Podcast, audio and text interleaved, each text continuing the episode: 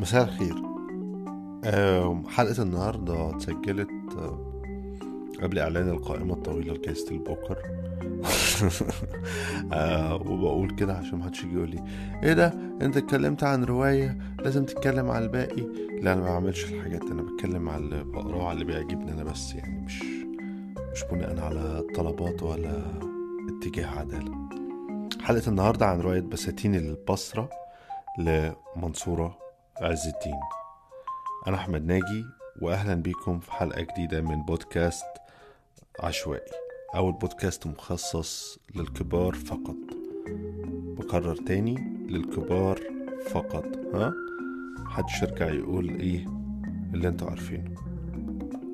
بساتين البصرة.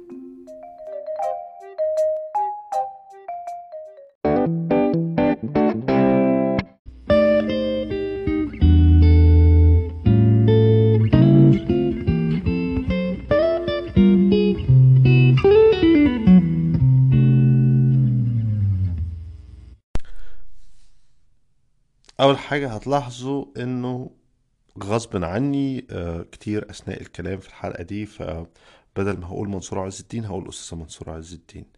آه، وده لأنه في علاقة شخصية طويلة جدا آه، يمكن داخلين على 17 18 سنة بتجمعني اتشرفت إنها يعني بتجمعني بأستاذة منصور عز الدين.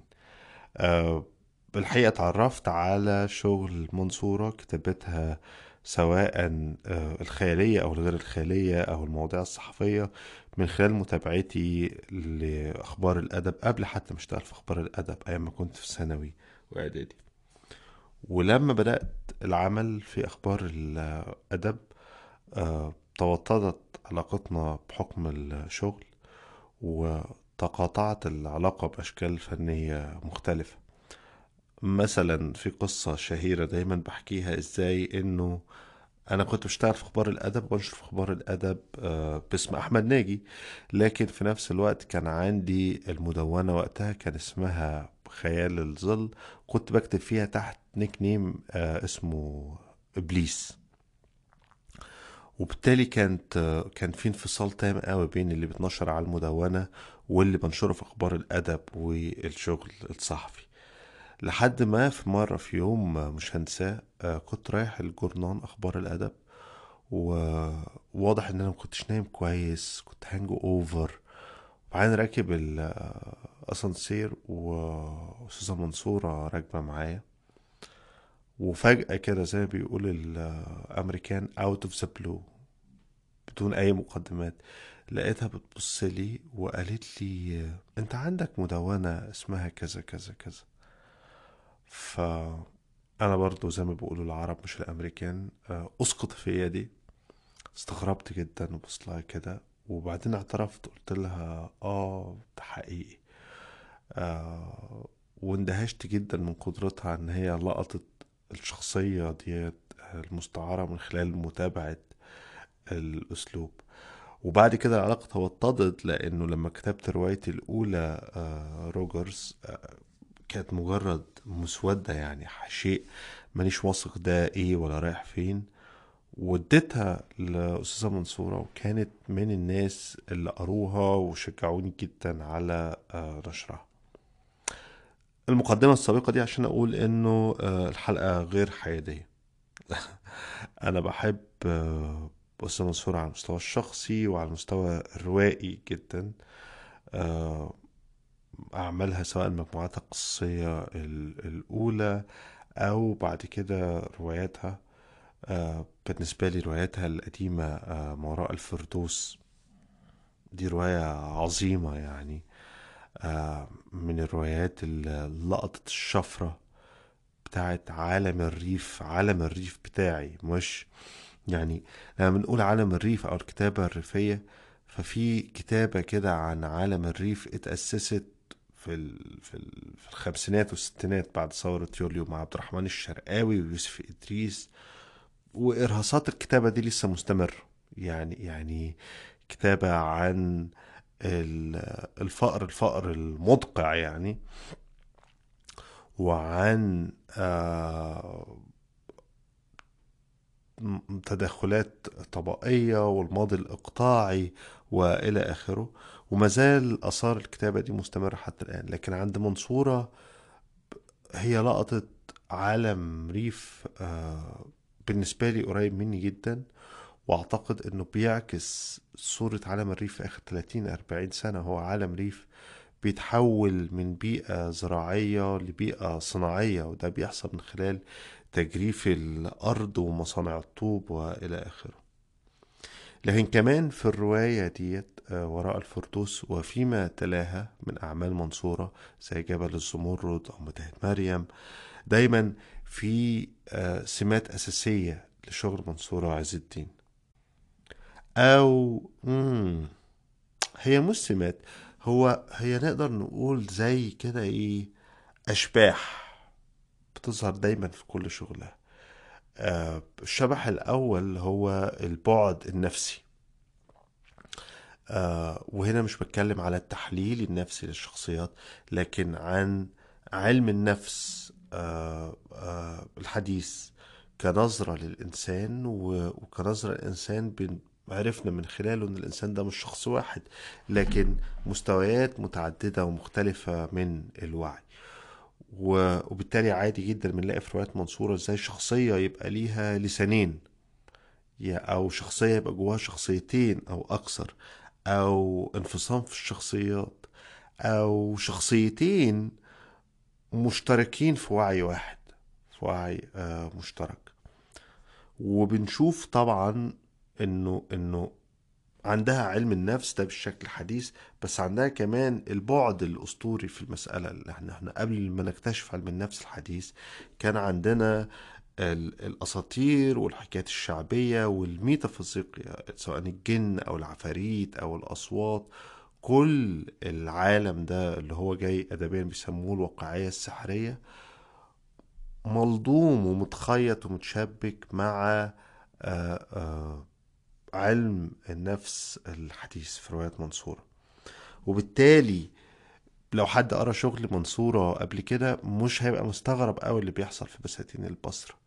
لأنه هيبقى عندك ألفة مع فكرة إزاي مثلا دايما يبقى عند منصورة في فكرة إنه شخصية في الحاضر لكن الشخصية دي بتحلم أو بتفكر آه، في شخصية في الماضي. أو مثلا إنه شخصية في مكان ما مكان إكس لكن بتحلم وبتتواصل بالتخاطر أو بتفكر مع شخصية تانية في مكان زد مثلا. أنا بشوف بساتين البصرة أعتقد أعتقد إن هي أولا أصغر روايات منصور عز الدين حجما. يعني الرواية مية بالظبط مية تلاتة وستين صفحة آه، قطع متوسط صادرة عن آه، دار الشروق. لكن رغم صغرها في الحجم لكن لو أنت قاري شغل منصور قبل كده بتبدو الرواية دي وكأنها الكريزة مش الكريزة الحمراء هنا الكريزة الذهبية. اللي فوق التورتة. و... وكأن شغل منصورة اللي قبل كده كله بيؤدي بشكل ما إلى الرواية دي رواية بساتين البصرة.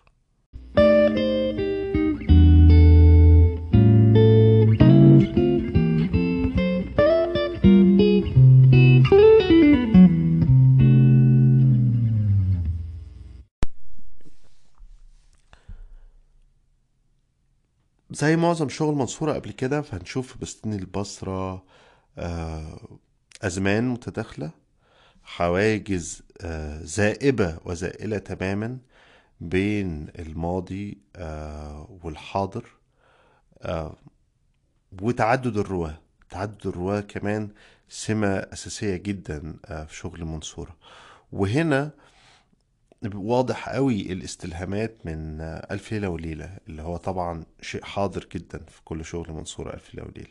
لكن هنا الاستلهامات من ألف ليلة وليلة مش بتقف قصاد إنه الحكاية اللي مبنية عليها الرواية نفسها حكاية أكيد وردت بشكل أو آخر بألف ليلة وليلة وهي حكاية متكررة جدا في التراث آه الأدبي من أول مما قبل ألف ليلة وليلة لحد ستوفسكي وهي حكاية عن شخص مؤمن خير طالب علم في لحظة ضعف بيرتكب كبيرة جريمة كبيرة وهي القتل. وبناء على القتل ده بيستولى على كنز بيقتل رجل عجوز وبيستولى على كنز لكن بيعيش معذب بعذاب الضمير و بيتحقق فيه زي ما بيقولوا كده إيه آه، انتقام العدالة. الحكاية ديت هي الحكاية الرئيسية في الرواية لكن ما بنعرفهاش وما بنفهمهاش غير في الآخر جدا وما بتقلناش بشكل مباشر لكن إحنا بنجمعها على طول الرواية.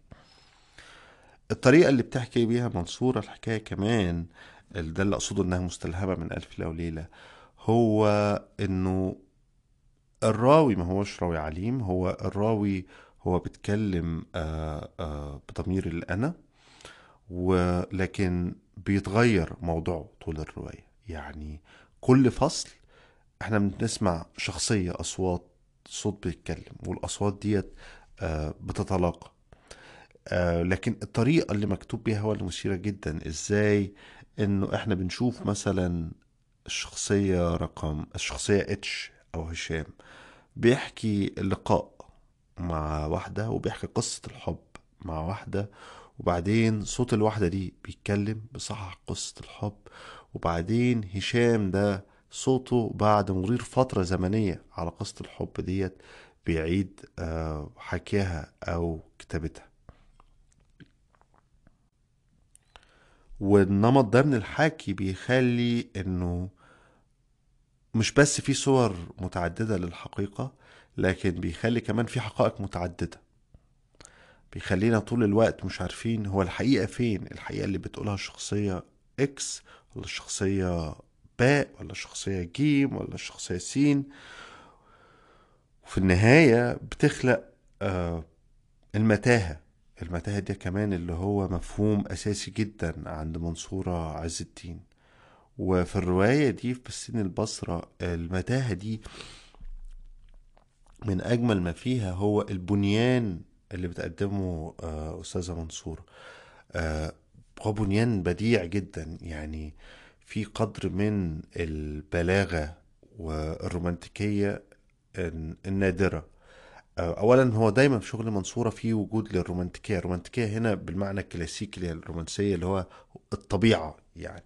يعني في وصف اهتمام دايما عند منصورة بوصف الاشجار والزهور وألوانها وأنواعها وأسمائها وتواريخها. وفي بساتين البصرة هنا المتاهة دي هي عبارة عن آه، آه، كل الزهور والأشجار اللي هي بتوصفها طول الرواية. يعني لما بتتكلم عن شجر الياسمين غير لما بتتكلم عن شجر البومتكس غير لما بتتكلم عن شجر البرتقال غير لما بتتكلم عن البساتين في البصرة أو الأشجار والبساتين في القاهرة. لكن كلهم بيتجمعوا داخل متاهة اللي هي بتشيدها. وبتشيد ده كمان آه، ببنيان لغوي نادر. أحيانا كتير قوي كتاب لما بيجوا يكتبوا رواية تاريخية بيبقى أسهل قرار إنك تروح تتقمص اللغة الأدبية بتاعة العصر التاريخي. يعني لو أنت بتكتب رواية عن العصر المملوكي فتروح تقرأ شوية كتب عن العصر المملوكي وتتقمص في روايتك لغة العصر المملوكي في الكتاب عشان تدي إحساس الزمن. منصورة ما بتعملش ده لكن في المقابل بتعمل تعشيقة كده نادرة قوي من فكرة إنه سرد معاصر جدا لكن مطعم آه، بكلمات وبجمل وبأمثال واحيانا استعارات ثقافية. هو ده الشيء الذكي جدا بالنسبة لي هي إنه إزاي تبني لغة مش بتحاكي لغة الماضي لكن آه لغة معاصرة جدا لكن من خلال استخدامها للإستعارات والإحالات الثقافية بتدي لك إيحاء إن هي نابعة من العصر العباسي الأول أو مكتوبة في عصر الحسن البصري. زي إنه يبقى السردي ماشي عادي مثلا الشخصية بتحكي لنا عن موقف ما وفجأة تستعير آه، بيت شاعر لشاعر من العصر الأموي أو لشاعر معاصر من ده. دي كانت من أذكى الحاجات اللي في الرواية. الرواية كلها طبعا ذكية جدا وأنصح بقراءتها ومبروك ترشحها تاني في القائمة الطويلة لجائزة البوكر. شكرا ليكم ونتقابل في حلقة جديدة من بودكاست عشوائي.